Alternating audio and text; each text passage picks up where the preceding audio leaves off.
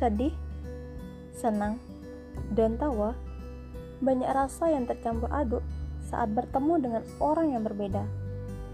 Begitu juga dengan teman, sahabat, dan musuh bisa kita kenali. Caranya, setiap minggunya kita akan bertemu mereka semua di Sahabat Candu.